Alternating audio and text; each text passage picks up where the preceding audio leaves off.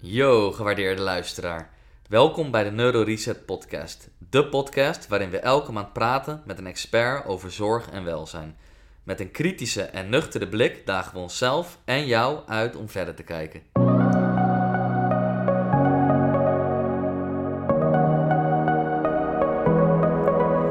Hey hallo en welkom bij onze negende podcast. Vandaag gaan Jerry en Tom het hebben met Michael Servinho over motivatie.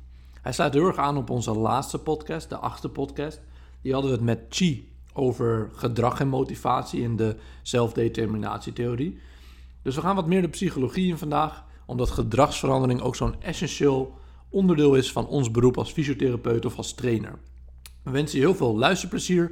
Op onze website kun je nog extra informatie vinden. Heel veel plezier.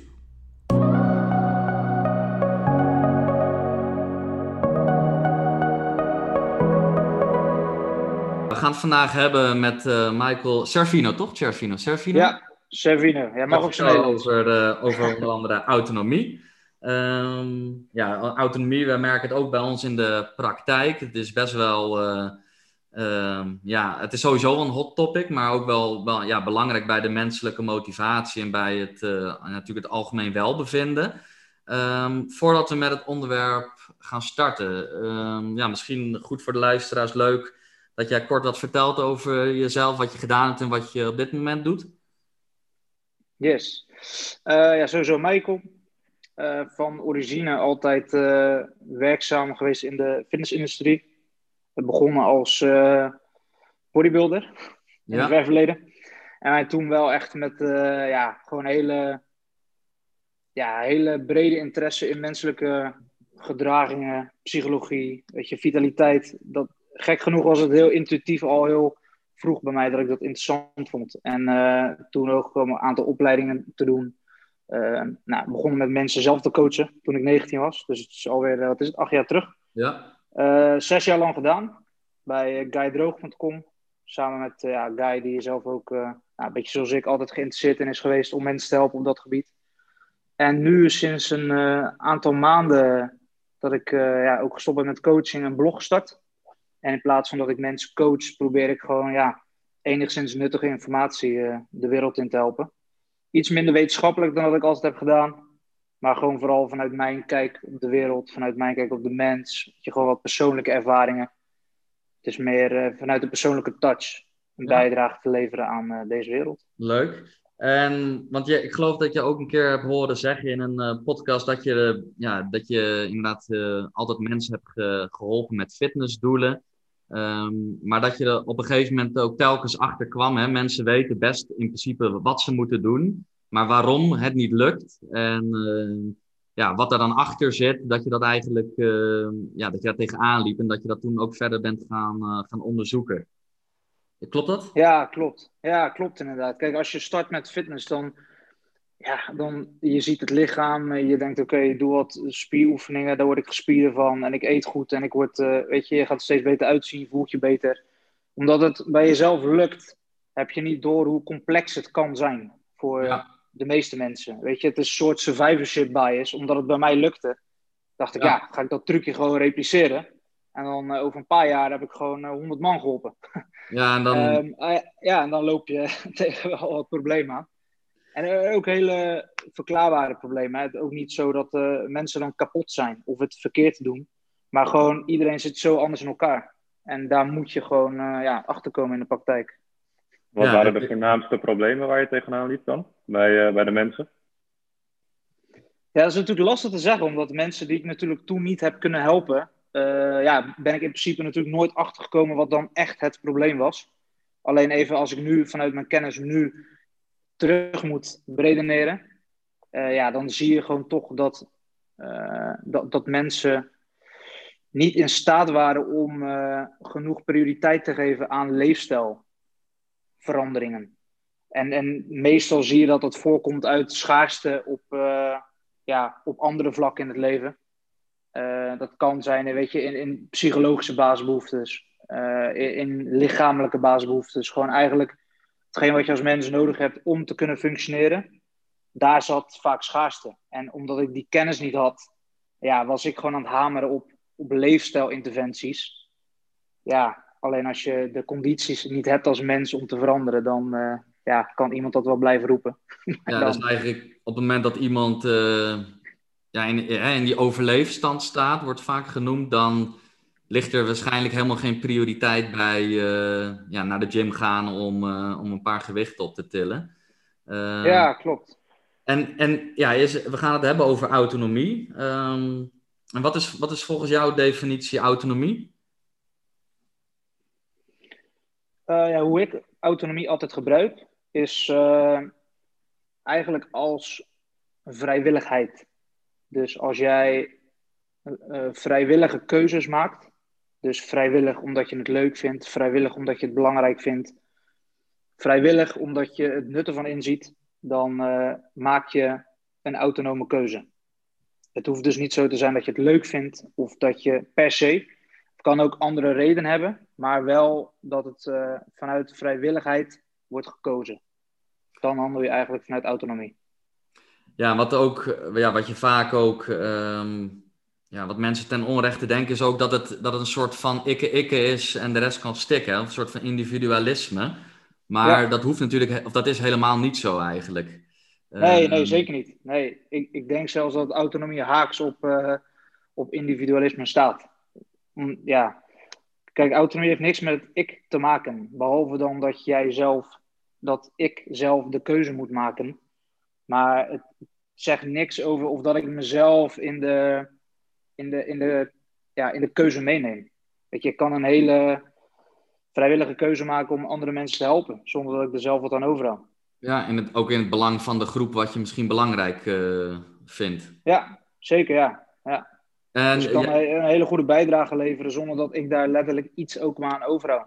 Ik kan iemand uh, s'nachts in een steegje helpen, terwijl, ik, uh, terwijl niemand dat ooit zal zien. En ik daar misschien ook niemand over vertel. Dus ik heb er ook nog geen eens sociale status krijg ervoor terug, nee. of erkenning, of complimenten. Het is gewoon maar echt kan het wel een goed vind. gevoel geven voor jezelf. Uiteraard, altijd, ja. Ja, ja. ja. En je, want je schrijft veel over authenticiteit ook. En uh, in een wereld van, hè, van schaamte, dat is uh, op je blog. Um, ja, hoe staan authenticiteit en autonomie ten opzichte van elkaar?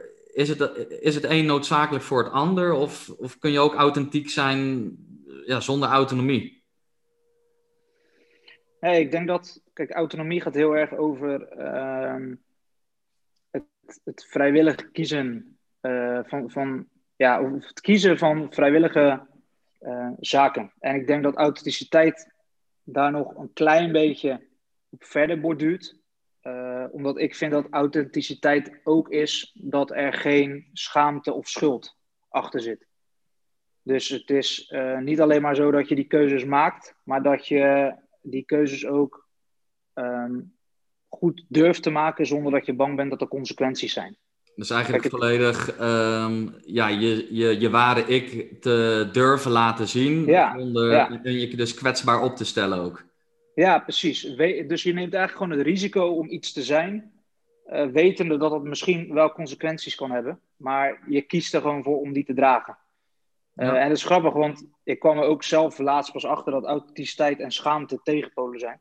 Dus schaamte is letterlijk het tegenovergestelde van authenticiteit. Uh, dus, ja. ja ik denk dat het een mooi voortbeduursel is op uh, autonomie. Ik denk alleen niet dat authenticiteit is geen ja, basisbehoefte van de mens. Het is niet iets waar wetenschap iets fundamenteels voor heeft ontdekt of zo. Maar het is gewoon meer dat ik vind dat dat belangrijk is. Dat is gewoon een van mijn waarden. Dus ik zoom gewoon in op dat stukje van, ja, van denk ik, ja. iets belangrijks. Ja, want je hebt, uh, ja, je benoemde net al die, uh, uh, je hebt natuurlijk je fysiologische basisbehoeftes en daarnaast, of in ieder geval de fysiologische je geld, je onderdak, voedsel. Um, en daarnaast ook die psychologische basisbehoeftes vanuit de zelfdeterminatietheorie. Um, en autonomie is daar één van. Um, uh, ja, kun je daar wat over vertellen over die zelfdeterminatietheorie? Hoe jij die ziet of gebruikt misschien? Ja, de zelfdeterminatietheorie is uh, eigenlijk een motivatietheorie. Ja. Dus uh, het is een theorie die je gebruikt om keuzes en gedragingen te verklaren en te begrijpen. En ehm, wat de zelfdeterminatietheorie eigenlijk zegt, is dat er verschillende vormen van motivatie zijn. Dus waar we vroeger dachten dat je extern en intern had, Ja. uh, heeft uh, de zelfdeterminatietheorie in de eerste instantie daar ook nuances in gebracht door te zeggen: nee, er zijn meerdere vormen van motivatie. Uh, zo kunnen we bijvoorbeeld iets doen omdat we het leuk vinden. we kunnen iets doen omdat het past bij een ander doel. We kunnen iets doen omdat het past bij onze identiteit en wat we belangrijk vinden. Um, we kunnen iets doen vanuit schaamte of schuld, of we kunnen letterlijk iets opgelegd krijgen. Dus dat Ja. zijn eigenlijk ook de vijf niveaus waar eh, Ryan en Daisy met deze theorie nuances in hebben gebracht. En daarnaast hebben ze dan gekeken naar wat maakt nou dat iemand volgens een bepaalde motivatie handelt in het leven. Nou, het is gebleken dat de mate waarin jouw basisbehoeftes als mens, dus fysiologisch en psychologisch, wordt bevredigd, maakt op welk niveau van motivatie jij uh, dagelijks keuzes maakt en handelt. Dus als je basisbehoeftes gefrustreerd worden, dus je hebt uh, te weinig autonomie, een gebrek aan relaties, gebrek aan respect, uh, gebrek aan geld, beweging, natuur, weet je gewoon de, de bundel aan basisbehoeftes, als daar schaarste is, dan zie je dat de mens meer vanuit externe motivatiesoorten handelt. Vanuit schaamte, schuld, weet je, dat we heel erg zoeken naar straffen, beloningen. Om eigenlijk maar een beetje gestuurd te worden in het leven. Terwijl als er bevrediging is op die basisbehoeftes. Dus dat ja, als je eigenlijk ja, een goed leven hebt, om het zo maar te Ja. zeggen. Dan zie je dat de mens ineens heel erg zelf kiest wat hij belangrijk vindt in het leven. En daar ook naar gaat handelen. Dat is eigenlijk ook zelfdeterminatie. Dat je zelf ja, kiest wat je belangrijk vindt en daar ook echt naar handelt. Dus dat je proactief bent. Ja, dat is dus Zie je ook... daarin dan, zie daarin dan ook dat uh, hoe minder het eigenlijk gaat, hoe minder authentiek het ook allemaal wordt? Dat? Ja, absoluut, zeker. Omdat authenticiteit uh, is dat je, dat je handelt vanuit autonomie. Uh, en in principe vanuit schaarste is het bijna niet mogelijk om autonoom te handelen. Omdat je, doordat je schaarste hebt, zie je dat, dat je extern gemotiveerd raakt. Dus je bent eigenlijk alleen maar aan het reageren op situaties. En dat is al een vorm van controle. Uh, en autonomie zegt juist dat je zelf de regie hebt en zelf de vrijwilligheid ervaart om uh, keuzes te maken. Ja, dat is dus ook. Um, of het, kun je het dan eigenlijk die motivatie zien als een soort van spectrum? Um, waar aan de ene kant, um, ja, je hebt A-motivatie, gewoon, iemand is gewoon helemaal niet gemotiveerd, tot Ja. aan de hoogste vorm van, uh, van autonome motivatie, dat je iets vanuit plezier doet. Ja. Ehm, Of vanuit interesse. Ehm, want het is, ook, het is ook niet zo dat autonomie uh, of een autonome motivatie altijd intrinsiek hoeft te zijn, toch? Nou, kijk, hoe heet het? Um, uh, intrinsieke en extrinsieke motivatie gebruiken we eigenlijk niet meer. Nee. Tenminste, in de volksmond wel, maar je ziet dat ze in wetenschap uh, vaker autonome regulatie gebruiken. Om de autonome motivaties te bundelen. Uh, en autonome regulatie is gewoon veel accurater, omdat uh, die naam impliceert wel dus al dat er een vorm van autonomie moet zijn, dus van vrijwilligheid. En omdat intrinsiek dus inderdaad liep je tegen een soort paradox aan dat, ja, maar ik kan ook intrinsiek bang zijn. Ik kan ook bang voor iets zijn en er daarom Ja. naar handelen. Ja. Dus daarom hebben ze ook gezegd van ja, intrinsiek dekt eigenlijk de lading niet. Um, maar het is autonome regulatie. Dus je wordt gereguleerd door autonomie. Um, ja, dus door vrijwilligheid. En dan klopt het dus spectrum dus wel. Dat je een autonome regulatie en externe regulatie hebt. Ja, die autonome regulatie, dat hoeft dus ook niet altijd per se uh, plezierig of leuk te zijn, hè? Nee, nee, zeker niet. Nee. Als je iets belangrijk vindt, um, ik geloof dat Chi daar ook wel eens iets over geschreven heeft. Um, ja, je kan ook uh, de poepschepper van de groep zijn. Als je daar, uh, ja. dat kan ook een autonome keuze zijn. En daar kan je ook, um, ja, dat kan, dat kan je ook een goed gevoel geven als dat het belang van de groep, als je daaraan bijdraagt. Juist, ja. ja. Autonomie is gewoon, in principe is het in de basis, de enige voorwaarde is dat het vrijwillig is. Maar ik vind ook wel en dit is niet wetenschappelijk, maar zo praten filosofen vaak over autonomie, is gewoon heel erg het is voorwaarden scheppend om eh, een zinvol leven te hebben. Dus als jij gewoon zelf vrijwillige keuzes maakt waarvan jij denkt dat het goed is voor een persoon, voor de wereld, voor een samenleving, voor een bedrijf, ja, dan voel je je ook nuttig. Weet je, je, mag keuzes maken die volgens jou belangrijk zijn.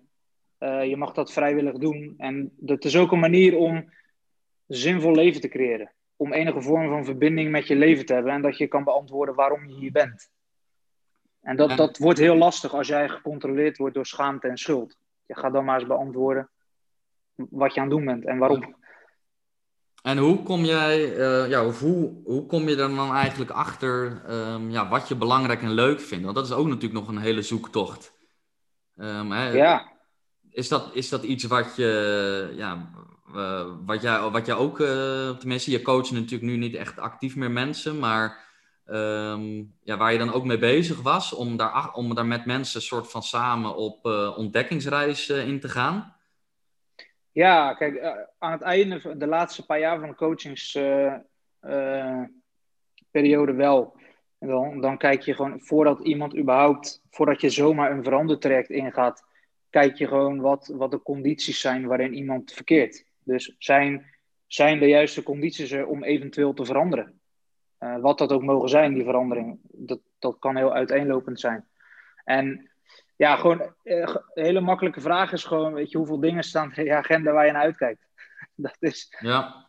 best wel een droge vraag die ik met, uh, met de jaren ontwikkeld heb.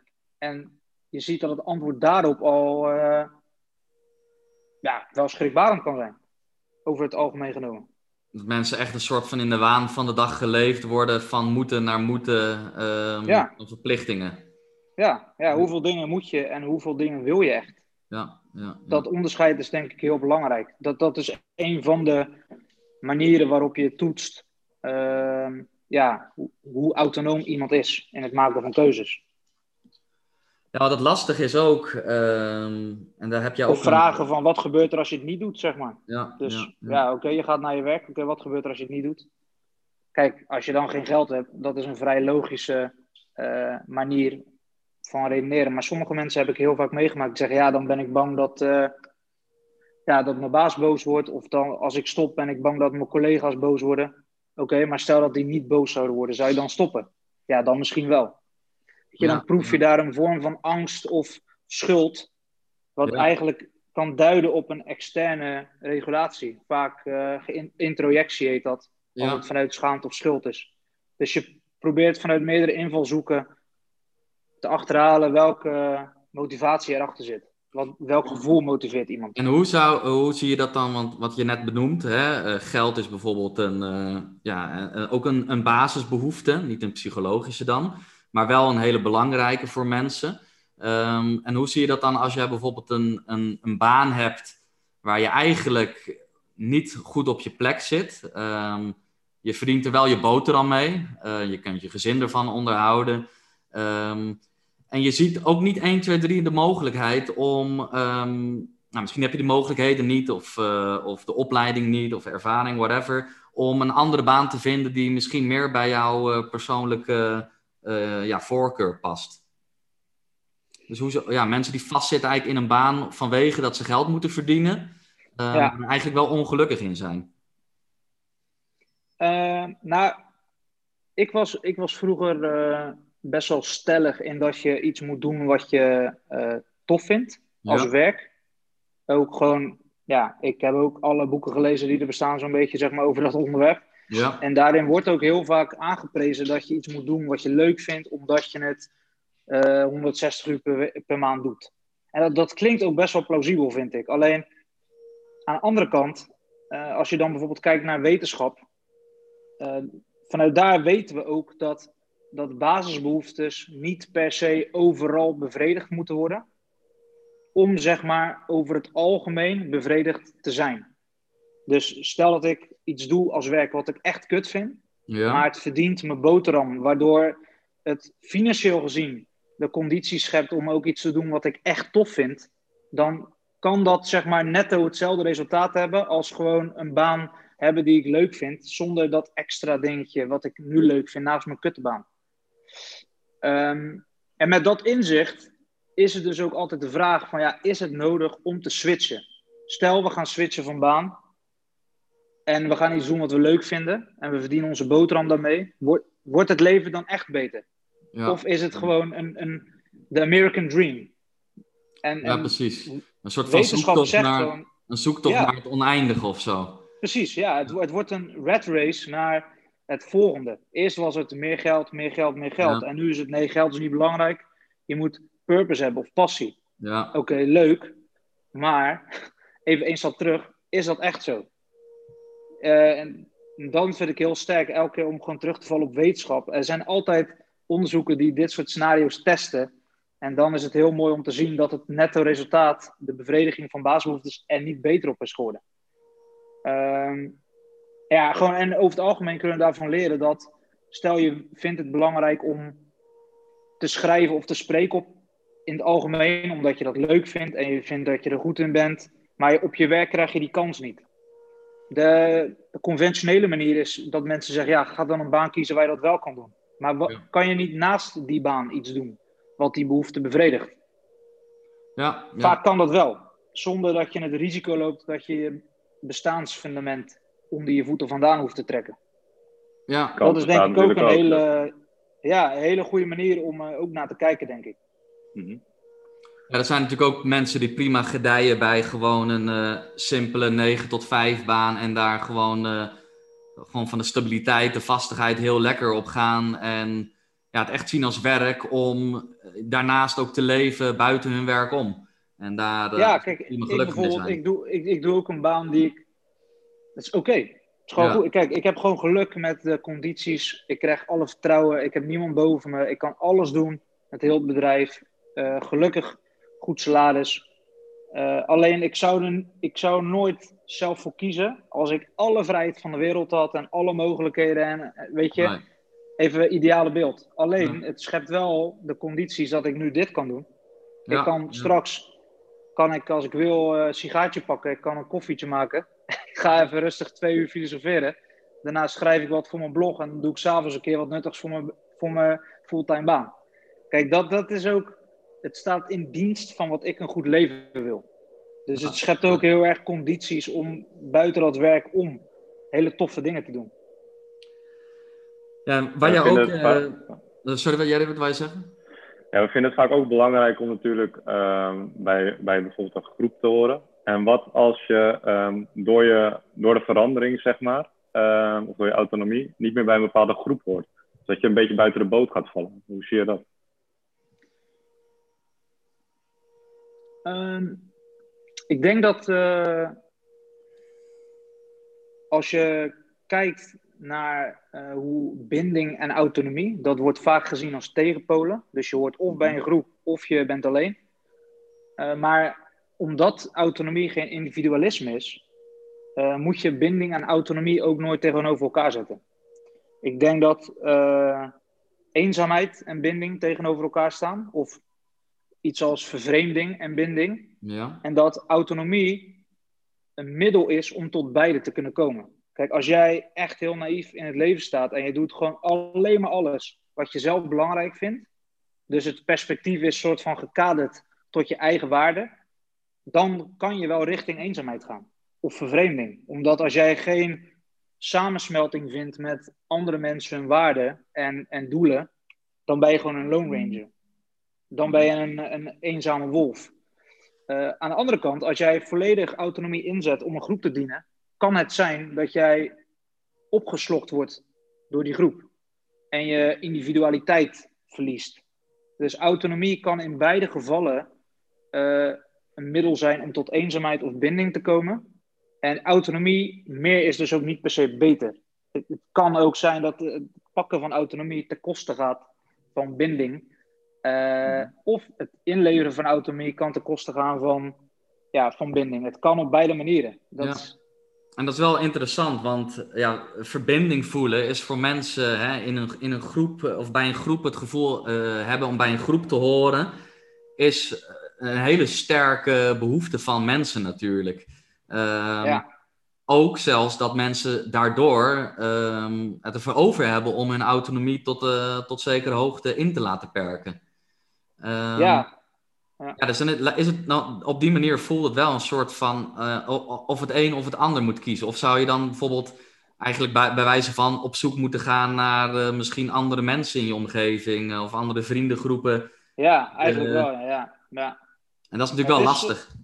Ja, dat, dat is super lastig. Kijk, en dat is het ook. Hè. Juist omdat het geen tegenpolen zijn, is het heel moeilijk. Want anders zou je kunnen zeggen: Oh, ik ga nu iets te veel naar binding, ik lever wat in, dus ik krijg meer autonomie. Nee, niet per se omdat autonomie een soort het middel is om tussen eenzaamheid en binding te, te reizen. Ja. En, maar ik denk wel dat je het juist zegt. Weet je, uiteindelijk komt het er wel op neer dat wij dat over de massa gezien proberen we gewoon verkeerde verbinding aan te gaan. Met, met groepen, met mensen waar wij, wij ons heel diep van binnen niet mee kunnen identificeren. En dan zie je gewoon, om dat voor elkaar te krijgen, moet je te veel autonomie inleveren. En dan ga je, word je gewoon opgeslokt in de massa, word je een nummer. Ja, dus dan kan je eigenlijk zeggen... Het is heel moeilijk, hè? Want... Dan kun je eigenlijk zeggen dat wanneer je inderdaad ja, ja, jouw authentieke ik te veel ook... Ehm, ja, dat je dat, dat te veel in laat perken door een groep... dan kun je eigenlijk misschien ook wel stellen dat dat geen oprechte verbinding is... en dat je misschien juist daardoor wel uh, heel eenzaam bent... terwijl je wel in een groep zit. Um, 100%, ja. In een ja. relatie of... Uh, ja. Zeker, kijk, en het, het, het, uh, het, wat ook nog eens heel moeilijk is, en dat bespreek ik niet met de cliënt op deze manier, maar gewoon technisch gezien werkt het wel zo, is dat autonomie staat ook dus in relatie tot binding en eenzaamheid. Kijk, als jij geen binding hebt en dus volledig eenzaam bent, hoe autonoom kan je dan daadwerkelijk zijn? Want er, er is niemand die jou controleert, ja. die jou probeert op te slokken of jou probeert, zeg maar, vorm te geven. Dus hoe moeilijker je bindt met mensen, uh, hoe moeilijker het ook nog eens is om autonome keuzes te maken. Omdat die altijd in relatie staan tot een groep waar je bij wil horen of iets wat je belangrijk vindt. Dus als jij niks belangrijk vindt of je weet niet wat je belangrijk vindt, dan ga je, kan je niet autonoom zijn. Omdat je weet niet waar je aan wil conformeren dat, dat is zo, daarom is autonomie en binding zo'n uh, ja, gekke dans tussen twee variabelen, die zo ja. moeilijk is om uh, te vinden ook. En ik, Chi heeft het ooit wel een mooie metafoor bedacht, Chi van Chivo. Die gaf het voorbeeld dat als je op een eiland zit met twee mensen en je spoelt aan en er is geen eten. En één iemand heeft het idee om te gaan vissen in de oceaan en de ander denkt dat het een slecht idee is, ga, gaat diegene dan toch vissen of niet? Dat is het dilemma waar je zit. Ga je vissen en het risico ja. lopen dat je ruzie krijgt, ter behoeve van je veiligheid en overleving? Of ga je ervoor kiezen om gewoon te conformeren aan de groep, aan die ene persoon, en te zeggen van ja, we zien wel hoe het loopt. Dat is een beetje het dilemma waar je constant als mens ja. Uh, tussen zit. En het kan zijn dat het dus een goede keuze is soms om niet te conformeren en om eenzaamheid na te streven. Omdat je weet dat dat uiteindelijk in de long run gaat leiden tot, uh, tot goede resultaten waar je, die je belangrijk vindt. En misschien is die eenzaamheid ook niet uh, per se iets wat inderdaad ten alle tijden voorkomen of vermeden moet worden. Nee, nee, nee. Soms uh, moet je ook door eenzaamheid heen om binding te creëren. Ik, ik herken dat bijvoorbeeld zelf heel erg. Ik was echt tot mijn ja, achttiende toen ik net begon met fitnessen, ik moest helemaal niks hebben van lezen, van, van sporten, helemaal niks. Ik ging alleen maar partyen. Ik, ik ging bijna niet naar school. Ik kon toch makkelijk hoge cijfers halen. Ja. Dat geluk had ik. En toen ineens veranderde ik helemaal, want ik ging fitnessen, ik ging boeken lezen, ik ging uh, opleiding psychologie, weet ik veel wat ik allemaal ging doen. Ja, en dan ineens ben je in een omgeving die totaal niet matcht met, met wat jij belangrijk vindt op dat moment. En dat, toen heb ik gedag gezegd van die wereld. Maar dat, dat, betekent dat je eerst een jaar lang door eenzaamheid heen moet. Want je kent geen mensen die zoals jij zijn. Want jij komt uit de wereld van partyen. Heb je echt een, een, een harde cut gemaakt inderdaad van... Uh... Ja, best wel ja. Ja, ja, ja. best wel. Ja, daar, daar is wel geen uitweg zag. Merkte dan op een gegeven moment, als je dan nog met die mensen was met wie je altijd geen partyen, zeg maar, dat de gezamenlijke interesse er niet echt meer was. Omdat jij was al met iets nieuws bezig. De mensen waarmee je omging, die waren nog wel bezig met feesten. Ja. En dat daardoor de klik ook een soort van weg was. Ja, precies, uh, klopt. Ja, en in het begin krijg je daar zelfs afkeer tegen. Dat je, de, dat ja. je bijna superieur stiekem gaat voelen. Terwijl dat is eigenlijk ja, het is beschaamd. Het is, ik schaam me als ik dat nu zeg. Want ik bedoel, wie ben ik? Maar dat is in die zin op dat moment wel zo. Dat je denkt van ja, jullie zijn nog daar, ik doe al dit. Ja, ja. Maar je merkt toch wel weer dat je dan weer naar de andere kant van het extreme gaat. Van, ja, en dan dat nieuwe heel tijd extreem op aan het zoeken bent. En dat reguleert wel na een tijdje. Dan leer je dat balanceren. Van, oh ja, ik kan en serieus zijn. En ik kan ook al soms party pakken. Dat kan tegelijkertijd bestaan. Maar in het begin is het gewoon door het vel. Door de eenzaamheid. Om uiteindelijk nieuwe binding te creëren. Met mensen die weer op, een, ja, op de volgende manier gelijk zijn als jij. Is dat ook niet nodig in het begin om misschien eerst wat extremer te zijn om niet uh, meteen terug.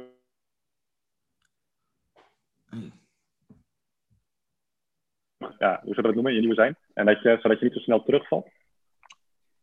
Uh, je dat ook geleidelijk Ja, kijk, wetenschap zou adviseren dat je dat stapsgewijs moet doen.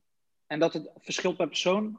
Mijn persoonlijke ervaring is dat een cold turkey methode wel heel goed kan werken, alleen dat het wel de meeste pijn uh, ja. veroorzaakt. Dus daar moet je ook wel, uh, moet wel het leven ook naar zijn. Kijk, het is heel, ik was 18, ik bedoel, ja, ja oké, dan ben je eenzaam, oké. Eigenlijk, weet je, je draait uh, constant muziek, je weet het allemaal te verdoven zo, op een best goede manier. Je overleeft het wel. Ja. Terwijl er kunnen natuurlijk ook gewoon mensen als ze 40 zijn en twee kinderen hebben en geen partner meer hebben, is het misschien niet een goed advies om heel de wereld achter te laten, alle bruggen te verbranden en uh, iets anders te gaan doen. Dan speelt er wel meer, uh, meer variabelen mee. Mm -hmm.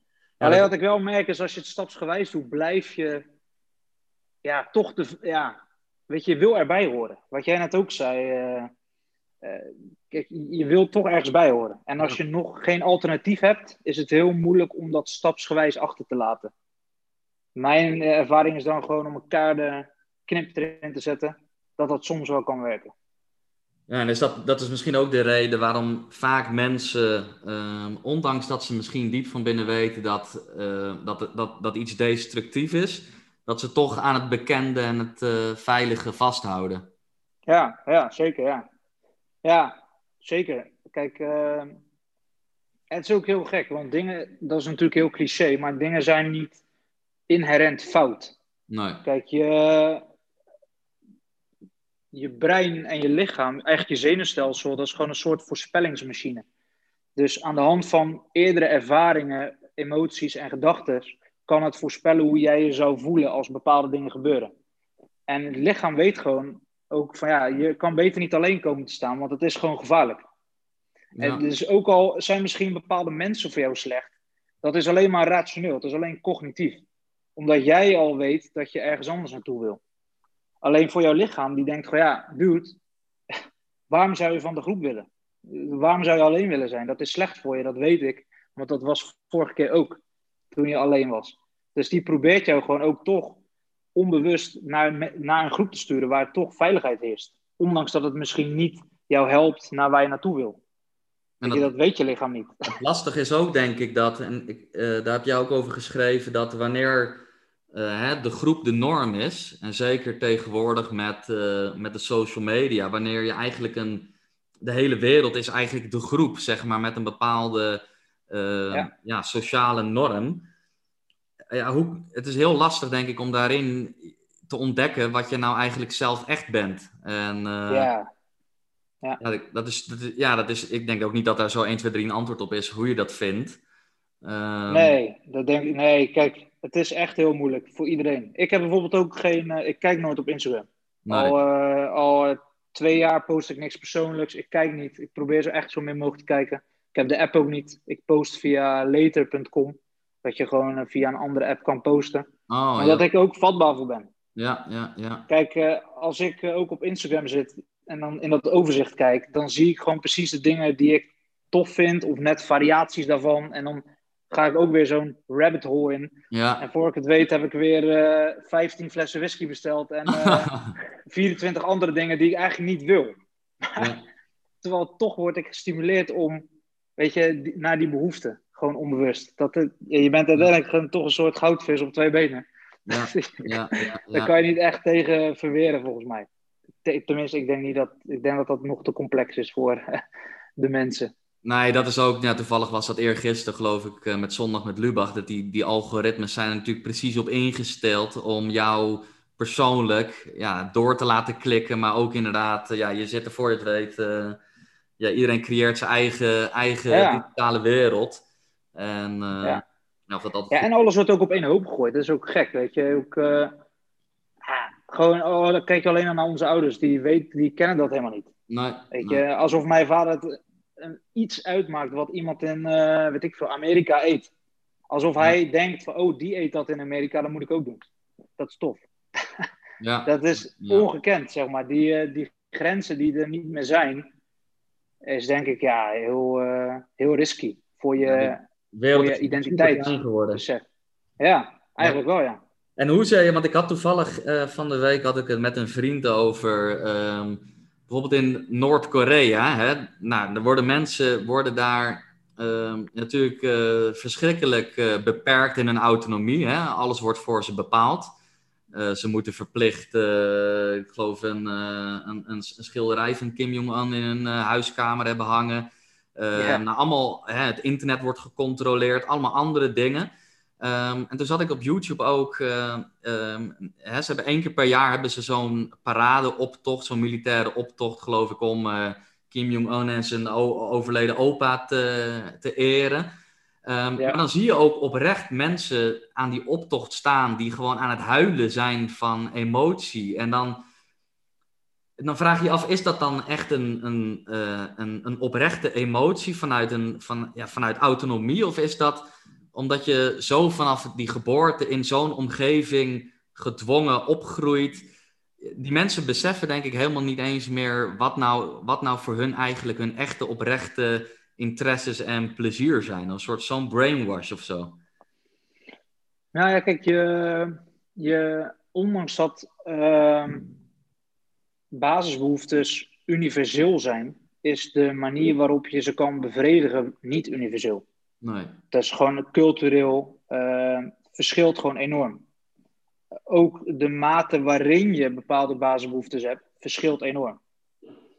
Dus je ziet dat als iemand vanaf het begin af aan um, gevangen zit, even om een metafoor te hebben, dan weet je niet dat hij gevangen is. Nee, nee, nee. Dus en dus, zijn dat die mensen uh, perfect gelukkig zijn. De, die zullen er ook tussen Nou, ja, kijk, dus je, dus je basisbehoeftes, die, die, die ontplooien zich relatief aan wat jij gewoon ja, gewend bent. Ja. Wat jij, zeg maar, eigenlijk, uh, wat voor jou de norm is. En omdat die grenzen gewoon heel klein zijn, zie je dus dat ze ook op een hele makkelijke manier bevredigd worden. Um, alleen, dat is natuurlijk een trucje wat alleen werkt op het moment dat je het echt gewoon hermetisch afsluit. Dat is natuurlijk waarom internet, social media, reizen in en uit is natuurlijk gewoon strikt verboden. Want elke vorm van aanraking met een andere realiteit, dan snapt gewoon de illusie die zij hebben kunnen creëren. Kijk, je wil niet dat mensen het inzicht krijgen van, hé, maar uh, zij hebben dit en ze zijn niet tevreden, maar wij hebben met zo weinig, moeten wij tevreden zijn. Ja. Of zijn wij al tevreden? Wat, wat gaat er mis? Je gaat toch vergelijken dan, ja. Ja, dan, daar kan je niet omheen. Maar dat is natuurlijk ook in mijn blog wat ik schrijf. Op het moment dat heel jouw land of heel jouw groep hetzelfde is, dan kan je niet ontevreden zijn. Weet je, je, je kan vergelijken met de buurman, die heeft hetzelfde. Die heeft ook dat schilderij, die tv met die zenders, met die kleding. En dat salaris. Dus ja. good luck. De, hooguit ben je 5 centimeter hoog of lager. En ja, weet je, het, het wordt tot een minimum beperkt wat uh, veranderingen zijn. Ja, interessant. Dus dat is. Uh, je hebt er ook een boek over, 1984. Is echt. Uh, oh, daar heb ik over gehoord, ja, volgens mij.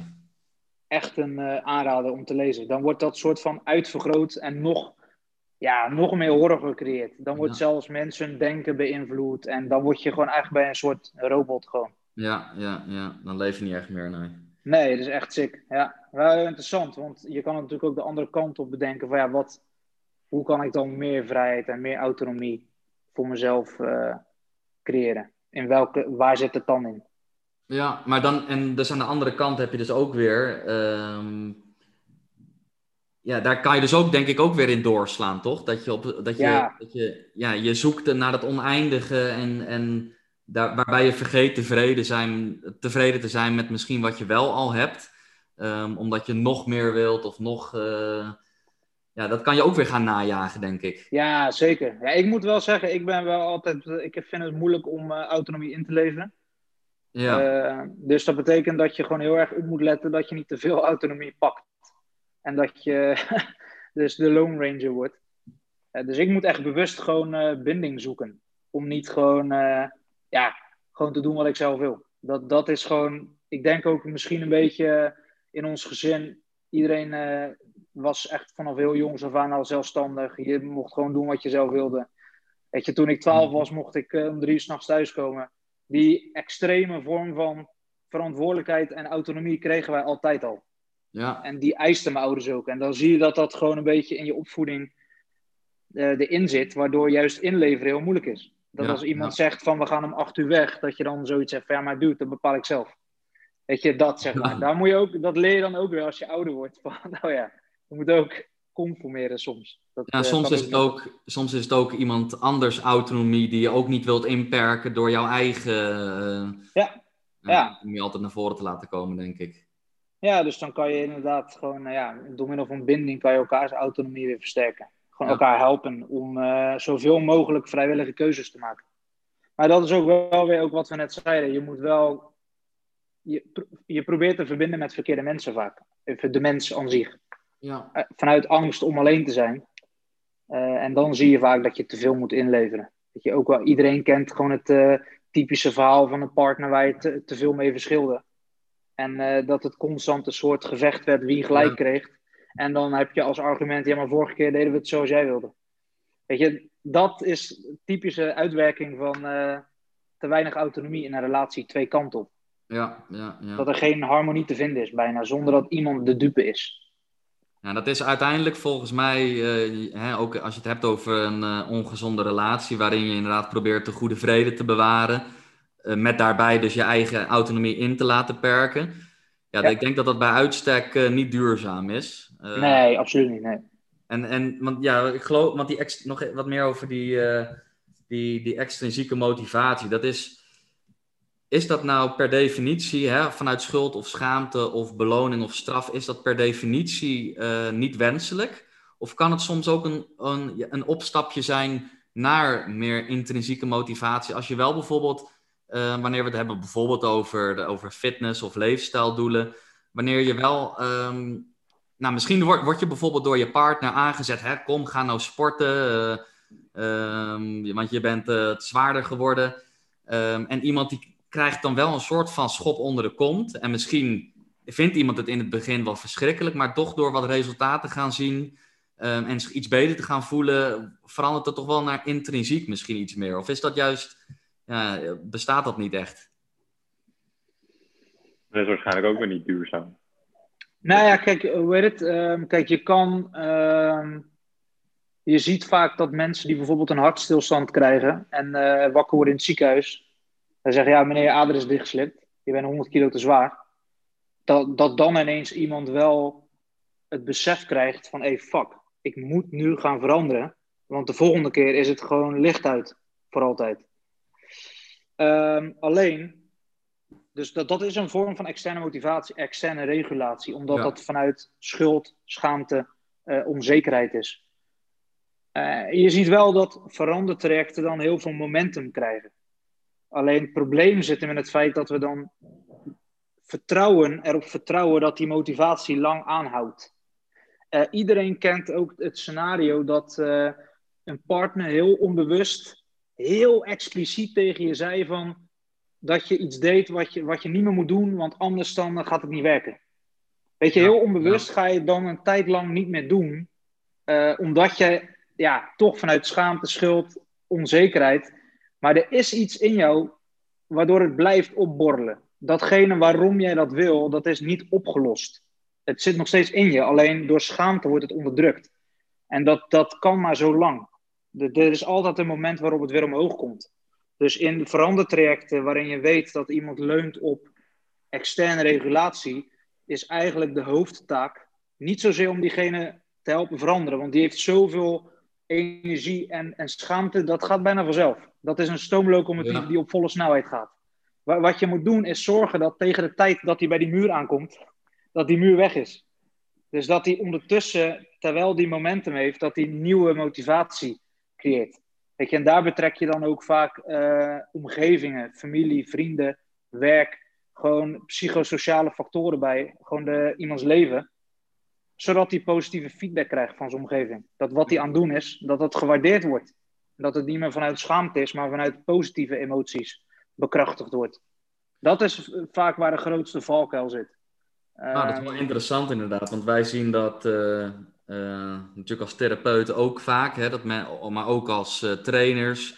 Mensen... Jullie zijn ook goed en externe motivatie aanwakkeren. Ik was vorige week nog bij de fysio. Toen zei hij, als je niet stopt met dit, dan heb je binnenkort gewoon een slechte knie. En toen dacht ik, holy shit, ik ga nu echt die oefeningen doen. Terwijl ik ook weet dat over vier weken denk ik weer van, ja, ja. goed, weet je. Mijn knie, dat komt wel goed, we gaan de goede kant op. En dan gaat het weer. Ja, wij zijn onszelf daar ehm, ehm, heel bewust van. Ehm, we hebben ook natuurlijk een podcast met Chi over uh, opgenomen. Over, we zien veel mensen met chronische pijn. Ja. En die onbewuste nocebo's die je creëert, hè, die angst die je eigenlijk aanwakkert. Ja, dat, dat werkt eigenlijk altijd averechts. En uh, ja, dus, dus, dus ik denk inderdaad dat ja, wanneer wij ook klanten zien en die moeten misschien oefeningen doen om uh, hun belastbaarheid weer te verbeteren.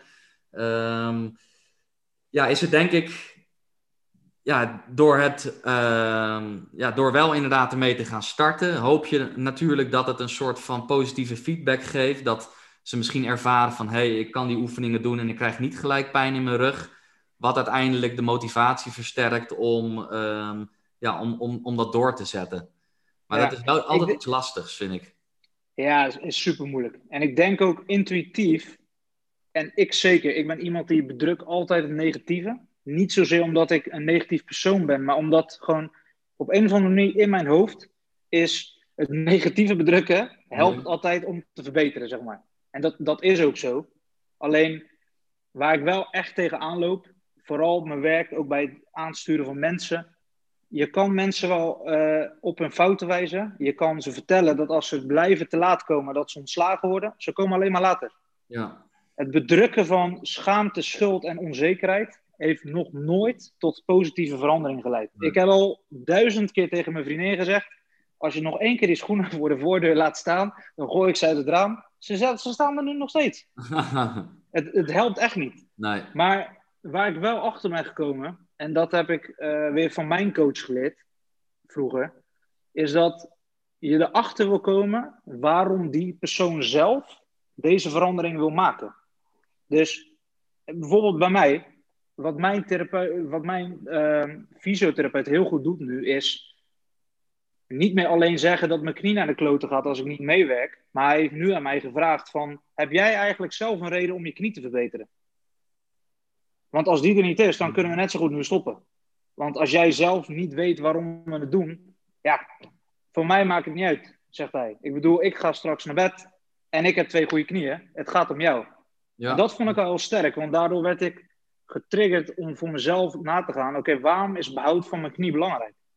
Ja, omdat ik het belangrijk vind om uh, over tien jaar, als ik misschien kinderen heb, toch met mijn kinderen uh, naar buiten te kunnen. Om te kunnen lopen met ze, om ze naar school te kunnen brengen, om normaal oud te kunnen worden.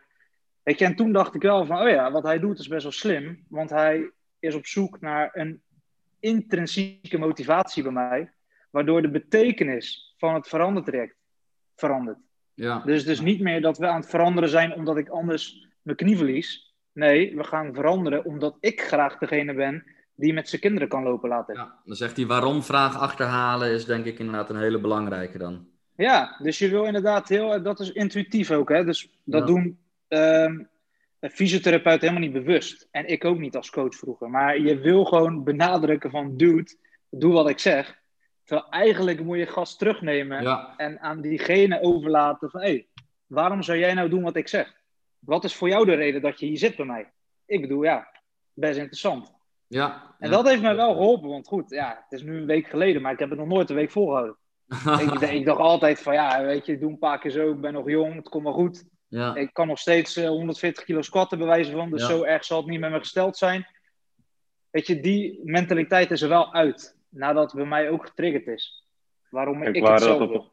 Waren dat op een gegeven moment ook vragen die jij gebruikte toen je nog trainer of coach was? Dat je heel erg erop inging waarom ze eigenlijk bij je kwamen, wat precies de beweegreden was?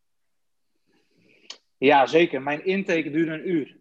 En ik, ging, ik startte ook geen trajecten. De laatste jaar was ik daar echt heel streng op.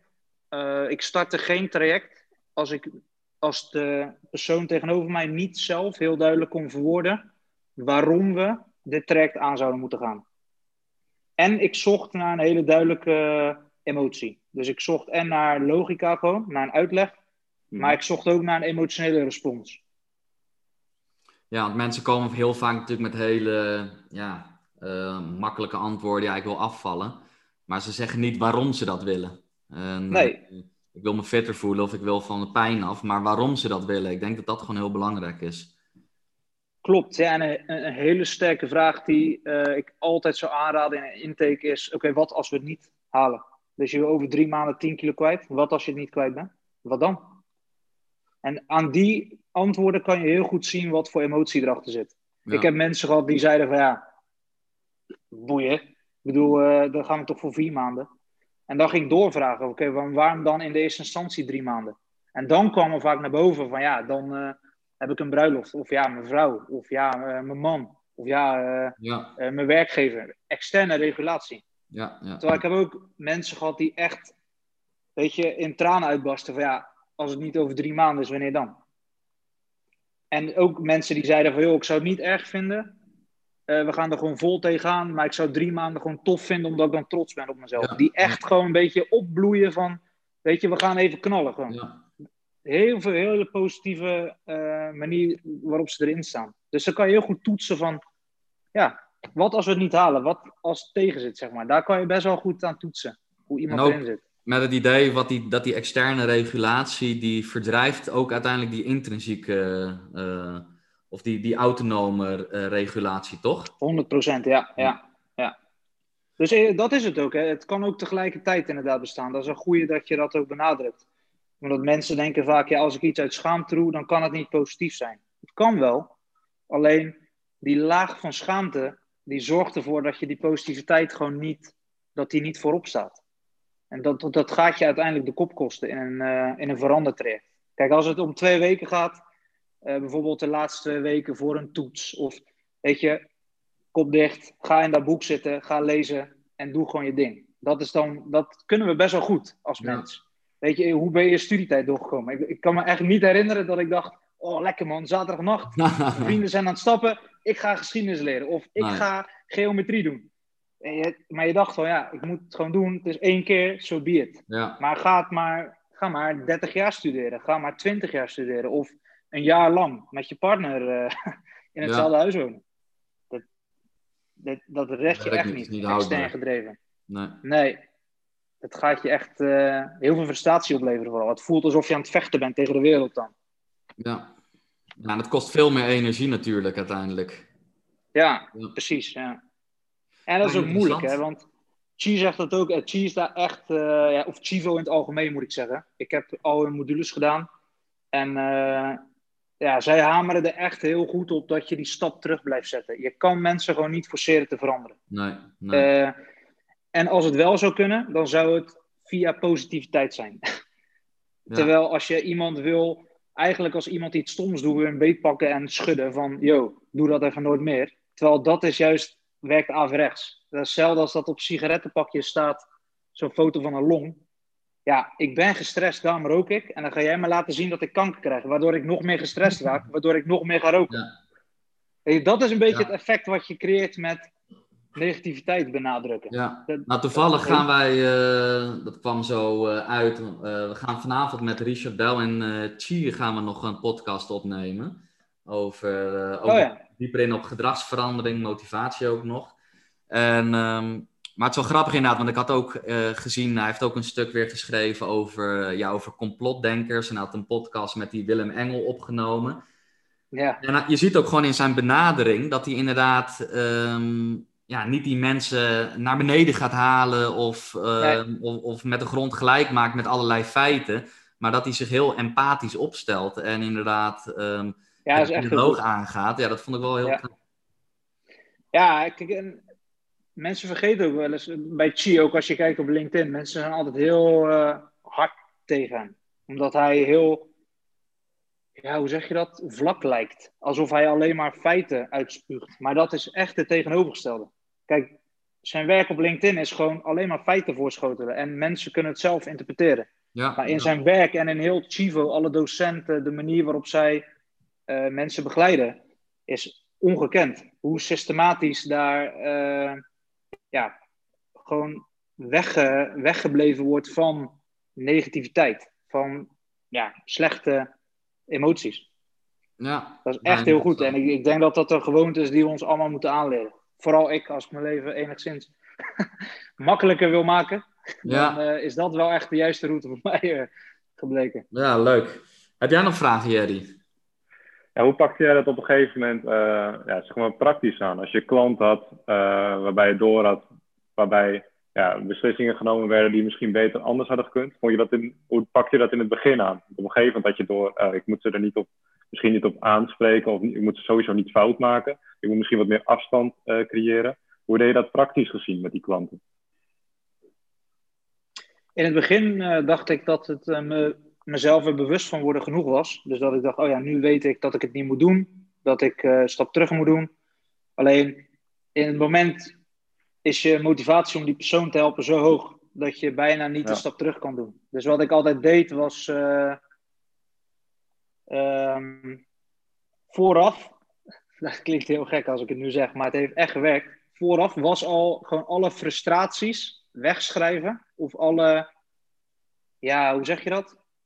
Uh, alle impulsen die ik had om die persoon te helpen en alle frustraties die er bij mij speelden over die persoon, die schreef ik van me afval.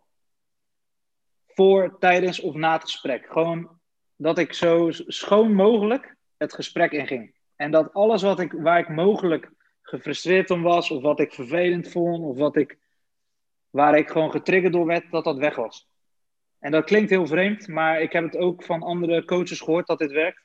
Maar dit werkt echt om je eigen uh, emoties wat, uh, wat te temperen rondom die persoon. En dat vergeten wij coaches vaak, dat je zelf ook een mens bent. Ja, je bent ja. zo bezig met de ander, dat je denkt dat je zelf een soort robot bent die alles goed kan doen. Terwijl ja, dat, het is zo'n moeilijk vak. Maar en dat heeft mhm. me echt geholpen. En dat wordt een gewoonte op een gegeven moment. Op een gegeven moment heb je was ik al tien minuten voordat het gesprek was, was ik al aan het visualiseren. Oh ja, stel dat hij dat doet. Ja, dat vind ik fucking kut. Oké, maar even een stap terug. Oké, okay, schrijf, schrijf, schrijven. En dat was een automatisch proces geworden. En, dan als, hij, en als er iemand dan iets zei, zei ik van joh, vervelend. Hoe heb je het zelf ervaren? Dan sta je er veel empathischer in. En kan je veel beter uh, gewoon echt van dienst zijn. In plaats van je eigen ei kwijt moeten. En uiteindelijk denk mhm. ik dat je dan ook iemand meer ruimte geeft om zijn verhaal te doen. En iemand voelt ook dat er geluisterd wordt. Ja. ja. En zo ook met veiligheid creëren in een gesprek. Mijn uh, uh, fysiotherapeut doet dat ook heel goed. Die, uh, ik, normaal vond ik het altijd kut om tegen een fysiotherapeut te zeggen dat ik het niet had gedaan. Want ik was toen op hoog niveau bodybuilder. En ik dacht, ja, als ik het niet kan, wat voor dipshit ben ik dan? Zogenaamde sporter. Alleen hij doet het echt heel goed. Hij, ik weet niet, hij weet een omgeving te creëren waarin je uitgenodigd wordt om te vertellen dat je het niet hebt gedaan. Uh, weet je, dat is heel knap. Omdat ik dat als coach ook altijd moeilijk vond om mensen zo eerlijk te krijgen. Maar hij doet dat wel heel goed. Waardoor ik, waardoor ik toch altijd zeg van joh, ik heb het niet gedaan. Of ik heb het zo vaak gedaan terwijl het zo vaak moest. En dat is denk ik wat je wil. Dat je volledige openheid hebt. En geen schaamte achter de fouten die je cliënten maken. Want die gaan ze sowieso maken. En is dat, heeft, dat, heeft dat ook uh, te maken met een stukje ja, compassie, denk ik? Elkaars menselijkheid uh, daarin ook erkennen?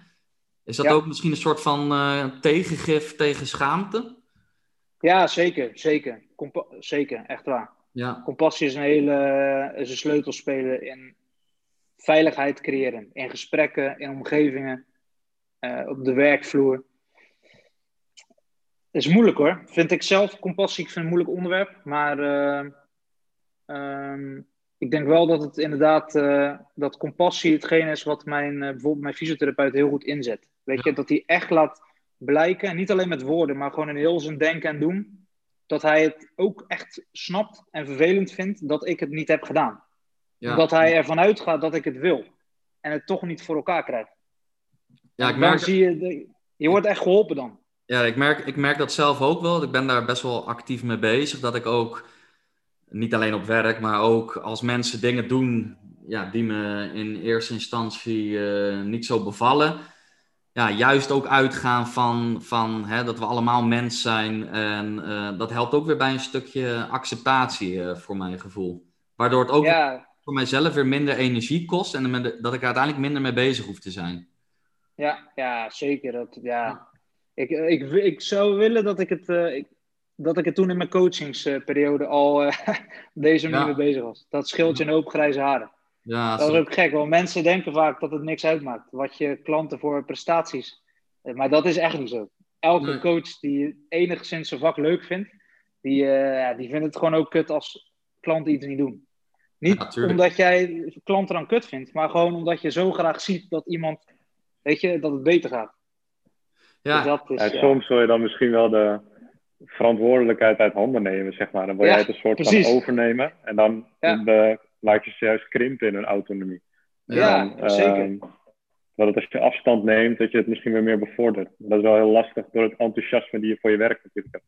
Ja, dat is ook ja, een ja. uitdaging voor jezelf als coach, denk ik. ja. Ja. dat is een van de grootste uitdagingen. Je reactiviteit daarin echt verminderen. En compassie, eh, volgens mij heeft Chi dat ook gezegd, of het zit in een van de modules van Chivo, dat compassie vergroot ook autonomie heel erg. En binding. Omdat het eh, gewoon ruimte geeft om, eh, ja, om, om eerlijk te zijn. Om vrijwillig te vertellen wat je dwars zit. Wat weer condities creëert om te veranderen. Dat Mhm. is ja, hele, hele belangrijk. Hè? Ja, ja leuk. Ehm, ja, ik denk dat we het hierbij bij even gaan laten. Ja. Heb jij nog, jij hebt niks meer, Jerry ook? Nee, ik, eh, ik vind vooral, het, eh, ja, je hebt ook hele goede praktische voorbeelden. Ik vind het wel eh, Ja, super Wel, interessant. wel. En thanks. Waar we- eh, waar we allemaal wat in de praktijk mee kunnen. Dat is wel, eh, wel fijn. Ook ja. voor de luisteraars, denk ik. Ja, ik denk Ja, dat ik de ook. luisteraars hier ook zeker inderdaad wat, eh, wat aan hebben. En eh, ja, jullie kunnen ook, eh, de luisteraars kunnen ook natuurlijk naar, jou, eh, naar jouw blog, michaelservino.com, toch? Ja, .nl. Ja. .nl, .nl. Ja, nou, als je meer eh, over dit soort onderwerpen interessant vindt, eh, dan kan je daar zeker ook op eh, kijken. Nou, thanks, eh thanks eh, Ja, Michael. jullie bedankt.